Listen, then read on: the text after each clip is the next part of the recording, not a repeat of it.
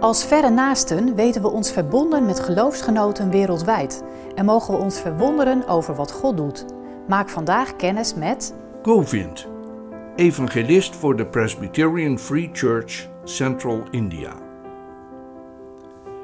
Ik ben geboren in een rondtrekkende stam die door te bedelen en hekserij aan inkomen komt. Conform het kastensysteem werd ik opgeleid tot heks. En daar was ik best goed in. Op een dag in juni 2009 kreeg ik van mijn zwager een folder waarin de gelijkenis stond van de rijke man en de arme Lazarus. Die avond, na het lezen, onderging ik een angstaanjagende ervaring.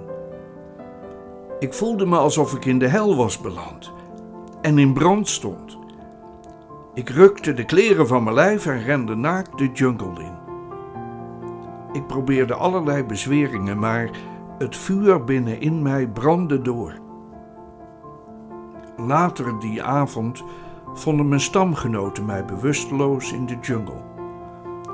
Ze wikkelden me in kleren en bonden me aan een boom. Ik vroeg steeds: Leef ik nog? Ben ik nog op aarde? De volgende morgen nam mijn zwager me mee naar de kerk, terwijl ik nog steeds het gevoel had in brand te staan.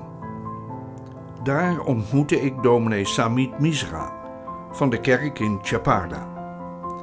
Hij liet me zien dat hekserij mij niet van de hel kon verlossen, maar alleen Jezus Christus.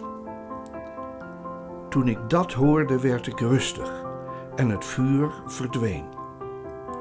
Maar de heks in mij gaf zich niet zomaar gewonnen. De volgende dagen bleef ik terugkomen naar de kerk met vragen. De Heilige Geest was aan het werk in mij en ik kwam langzaam tot geloof. Inmiddels ben ik evangelist en vertel ik over Jezus aan de mensen in mijn stam. Een aantal families zijn Christus gaan volgen en hebben het nomade bestaan met bedelarij en hekserij opgegeven. Zij maken nu traditionele muziek op feesten en partijen om in hun levensonderhoud te voorzien. En hun kinderen gaan naar school. Ik bid dagelijks voor mijn stamgenoten die het evangelie nog niet aanvaard hebben. Bid u met me mee? Prachtig toch wat God wereldwijd doet?